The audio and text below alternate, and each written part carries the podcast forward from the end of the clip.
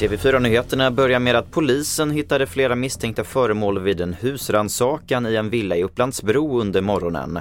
En man är gripen misstänkt för förberedelse till allmänfarlig ödeläggelse. Det här rapporterar SVT. Och polisens kamp mot gängkriminaliteten intensifieras. I Sundsvall sitter just nu sju personer häktade efter tillslag från polisen som är kopplat till gängen och narkotikahandeln.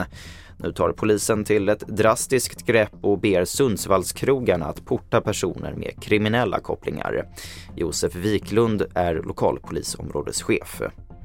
Vi vill informera dem om personer som, som bär skyddsväst, har våldskapital, eh, som eh, framförallt är en risk för både medarbetare och gäster inne på restaurangerna. Och vi avslutar med att berätta att ännu en misstänkt kinesisk spionballong har observerats. Den här gången över Latinamerika, det uppger den amerikanska försvarsmakten nu i natt.